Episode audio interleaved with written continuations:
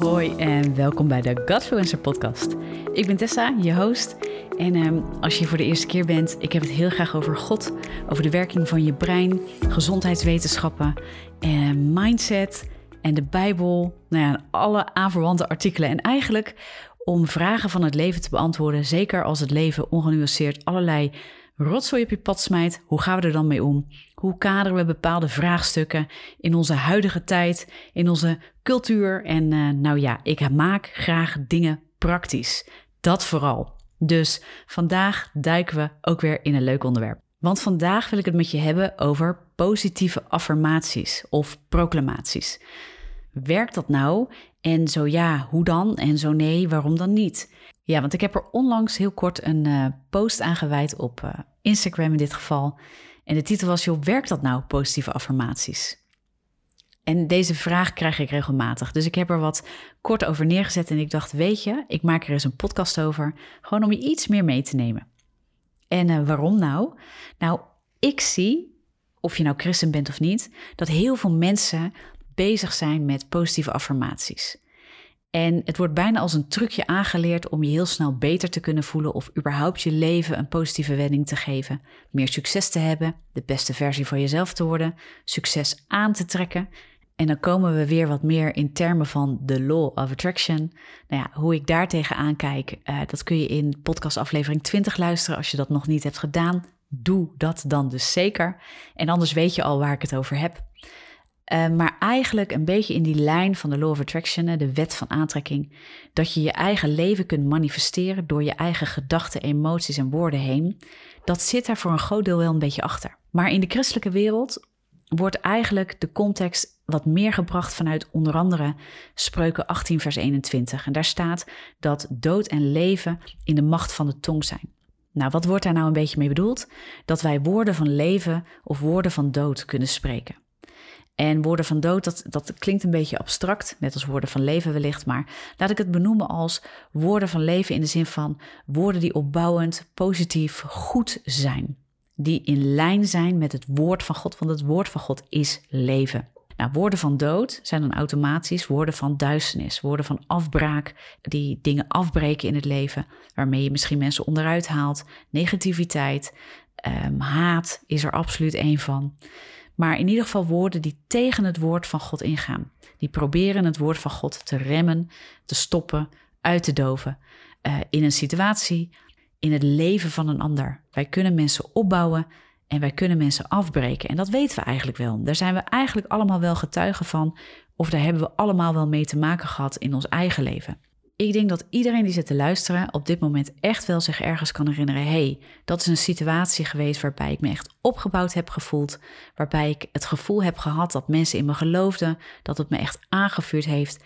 En ik denk net zo goed dat we momenten hebben gekend waarin we ons niet zo aangevuurd hebben gevoeld. Sterker nog, waar we ons misschien ontmoedigd hebben gevoeld, onzeker van zijn geworden, of sterker nog misschien wel beschadigd zijn of heel diep gekwetst door de woorden die mensen hebben gesproken, bedoeld of onbedoeld. Dus dit heeft even niks te maken met ergens een schuld neerleggen, maar puur dat je herkent, ja, dit is wat woorden kunnen doen.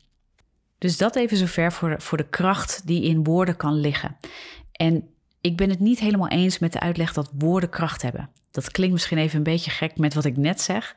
Woorden hebben wel kracht, maar niet in zichzelf. Een woord in zichzelf heeft geen kracht. Het is de bron van waaruit we spreken, waar de kracht van uitgaat. En de Bijbel is heel helder. Iets in ons denken of in onze woorden komt vanuit God en is in lijn met Gods woord of niet. Daar is de Bijbel redelijk zwart-wit over. Wij mensen willen er vaak een neutraal gebied van maken. Gebeurt ook heel veel in de spirituele wereld, waarin uh, spiritualiteit als een neutrale, universele energie wordt neergelegd. En dan wordt onze intentie, dus uh, ja, onze bedoeling met woorden, dat wordt dan de kracht. Ik geloof echter niet dat dat een bijbelse manier van denken is. Ik geloof dat de Bijbel de bron koppelt aan de daadwerkelijke bron van goed of kwaad. En dat is of God of dat is de duisternis. Dat is echt wel net wat anders kijken dan dat wat de huidige seculiere spirituele wereld probeert uit te leggen. Dus niet de woorden in zichzelf en mijn intentie hebben kracht, maar daaraan waar ik het gekoppeld heb. Ben ik in God aan het spreken? Ben ik in lijn met Hem? Of kom ik uit eigen pijn? Kom ik uit duisternis? Heb ik er een hele eh, andere kijk op? Wat niet in lijn is met God in ieder geval. Er zijn heel veel mogelijkheden voor om buiten Gods woord te spreken. Ik denk dat we daar ook allemaal wel uh, herkenning in hebben. Uh, alleen het feit al als we boos zijn of als we ontzet zijn en we komen heel erg uit onze eigen emotie, daar zit inderdaad soms een behoorlijke kracht achter, maar niet de juiste. En dat is niet alleen omdat wij dan een bepaalde intentie hebben gezet, maar dat is eigenlijk omdat we ons hart op dat moment verbinden om niet in lijn met God te spreken. En de Bijbel is heel duidelijk, God is heel duidelijk, alleen dat wat in lijn is met Hem, dat heeft de kracht om leven te brengen. Nou, dat is een beetje hoe ik het wil uh, uh, neerzetten bij je, dat je daar eens over nadenkt. Dus in die zin hebben woorden kracht. Is het heel goed om na te denken hoe jij over een situatie spreekt. En ook hoe jij over jezelf spreekt. Maar daarbij wil ik ook gelijk iets anders zeggen. Positief affirmeren, zeg maar, of proclameren, positieve woorden over jezelf afroepen als een trucje, gaat niet werken. Sterker nog, het is wetenschappelijk aangetoond dat dit juist een averechts effect heeft. Je voelt je namelijk alleen maar ellendiger naarmate dit langer duurt en jij je niet beter gaat voelen, omdat je jezelf voor de gek houdt. Dat is ook, dat is dus wel wetenschappelijk aangetoond. Dat we echt onszelf voor de gek kunnen houden op deze manieren, uh, omdat we niet aan de binnenkant bezig zijn met wat er in ons hart leeft en vanuit welke bron ons hart gevoed wordt. Romeinen 10, vers 17 zegt dat geloof komt uit het horen van het woord. Dus geloof, geloof gaat altijd over de plek van je hart. Geloof heeft te maken met wat jij gelooft, waarin jij ook gelooft. Dus niet alleen ik geloof wel of niet in God, maar ook waar je voor staat. Wat jij gelooft over je situatie, wat jij gelooft over jezelf en andere mensen. En wat jij gelooft over de wereld. dus laten we zeggen je zelfbeeld, je godsbeeld en je wereldbeeld. En dat dan heel specifiek ook in jouw situatie.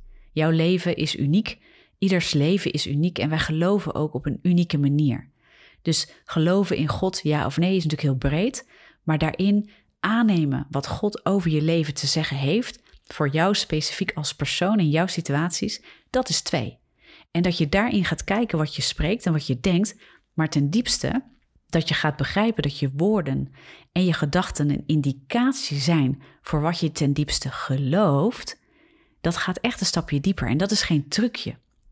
Woorden in zichzelf, nogmaals, zijn niet, ja, woorden zijn neutraal, maar hebben daardoor geen kracht. Maar omdat we het verbinden aan wat diep in ons hart leeft en daarmee verbinden aan wat we geloven en dat geloof wel of niet verbinden aan wat God zegt, daar zit je kracht. En nou, dat is eigenlijk wat ik gewoon mensen heel graag wil vertellen. Je kunt van alles over jezelf afroepen. En je kunt allerlei positieve woorden gaan proclameren. Maar als je het niet gelooft en je hart niet onderzoekt en laat transformeren naar Gods waarheid en naar het leven en naar liefde, dan zie je geen verandering. Dan hou je jezelf voor de gek. En het is zelfs zo dat als je brein het gevoel gaat krijgen dat hij voor de gek wordt gehouden, dan gaat dat gevoel van falen heel erg spelen. Als je brein uh, merkt en wordt getraind in positief denken, maar het voelt dat jij dat niet gelooft. Dat is een beetje abstract, alsof je brein een eigen leven heeft. Dat lijkt soms wel zo, maar dat is om het een beetje concreet te maken voor je. Maar dan zegt je brein: hey, dit klopt niet. Jij, jij zegt allemaal dit, maar je gelooft dit. Dus er zit een error, er zit een fout. Het lijnt niet op, zeg maar. En dan ga je alleen maar harder voelen dat het niet lukt. En heel veel mensen die zijn er op stuk gelopen. Of die lopen daar uiteindelijk op stuk. Omdat je merkt dat je jezelf voor de gek houdt. En het brengt ook met zich mee dat er schuldgevoel ontstaat. Hé, hey, ik ben heel hard positief aan het proclameren. Het gaat niet beter met mij, dus ik zal wel iets fout doen. Er zal wel iets mis zijn met de intentie waarmee ik het doe. Er zal wel iets mis zijn met de manier waarop ik deze dingen uitvoer. Want ik voel niet wat ik zeg. Zeker als het wordt aangeboden als een trucje, is het uiteindelijk heel erg leeg. En trucjes, wat mij betreft, zijn altijd een lege huls. En brengen uiteindelijk ook alleen maar schade. En dat is helemaal niet de bedoeling. Maar wat is dan wel de bedoeling? De bedoeling is dat je hart en je woorden, dus ook je gedachten en je emoties, uiteindelijk in lijn gaan komen met Gods waarheid. Je denken vernieuwen, zoals Romeinen 12, vers 2 daarover spreekt, is dus geen trucje, maar jezelf actief bekendmaken met Gods wil, waardoor je hart zijn waarheid en liefde leert ontvangen. Vanuit die bron mogen je gedachten en woorden getraind worden tot opbouw van anderen en jezelf. Anders gezegd, je brein luistert vooral naar wat er in je hart leeft en niet alleen naar wat je zegt. Je brein laat zich niet foppen. Het is zo mooi, want toen ik deze waarheid ging begrijpen, toen transformeerde het mijn wereld. En het bevrijdde me echt van heel veel moeilijke strijd met mezelf. Ik wil je hiermee bemoedigen. En weet je, nu we het daar toch over hebben, ik heb een boek geschreven en dat is gratis te bestellen. Dat heet Depressie ontwapend. Maar ook als je niet depressief bent, is het ontzettend goed om te lezen. Ik heb van heel veel lezers inmiddels al mogen begrijpen dat zij bijvoorbeeld niet depressief zijn, maar zoveel aan het boek hebben, omdat het hen ook helpt, heel concreet, hun denken te vernieuwen. Op een manier die echt in lijn is met God en echt tools in handen geeft om op de juiste manier dit soort dingen in te bouwen in je leven. En ook gedachten van negativiteit. En dan heb ik het niet alleen maar over positieve affirmaties gaan aanleren, maar echt de gedachten van negativiteit onder de loep te nemen en te zien waar komt dit vandaan en hoe kan ik dit onder Gods woord weer brengen in zijn waarheid en liefde transformeren. Het brengt leven. Daar is dat boek ook voor geschreven. Dus als je het nog niet hebt, ga even naar mijn website tessavanost.com. Bestel het boek. Je hoeft alleen maar verzendkosten te betalen. En het zou gaaf zijn natuurlijk als je een donatie achterlaat. En als je zit te luisteren en je bent fan van de podcast en je vindt dat ik gave content um, maak, dan zou het helemaal gaaf zijn natuurlijk als je partner wordt van de bediening. Dat kan daar ook, tessavanos.com. Klik op het eh, knopje geven en weet je, zou helemaal gaaf zijn. Maar weet je, voel je nooit verplicht. Dat is alleen als je echt denkt, oh, ik voel me verbonden aan deze uh, bediening en ik wil heel graag wat betekenen. Ja, je helpt wel echt mee dat het kan groeien en dat er steeds meer content in deze vorm ook komt. Dus we zijn ongelooflijk dankbaar voor de partners en de donateurs. Maar hey, dat was even een ander praatje. Als je het boek nog niet hebt, ga het bestellen. Wacht niet langer. En als je dit een gave podcast vindt, deel het met andere mensen. Laat even weten ergens via de social media kanalen wat je ervan vond. Want dat vind ik altijd erg leuk om te horen. En dan spreek ik je heel graag de volgende keer.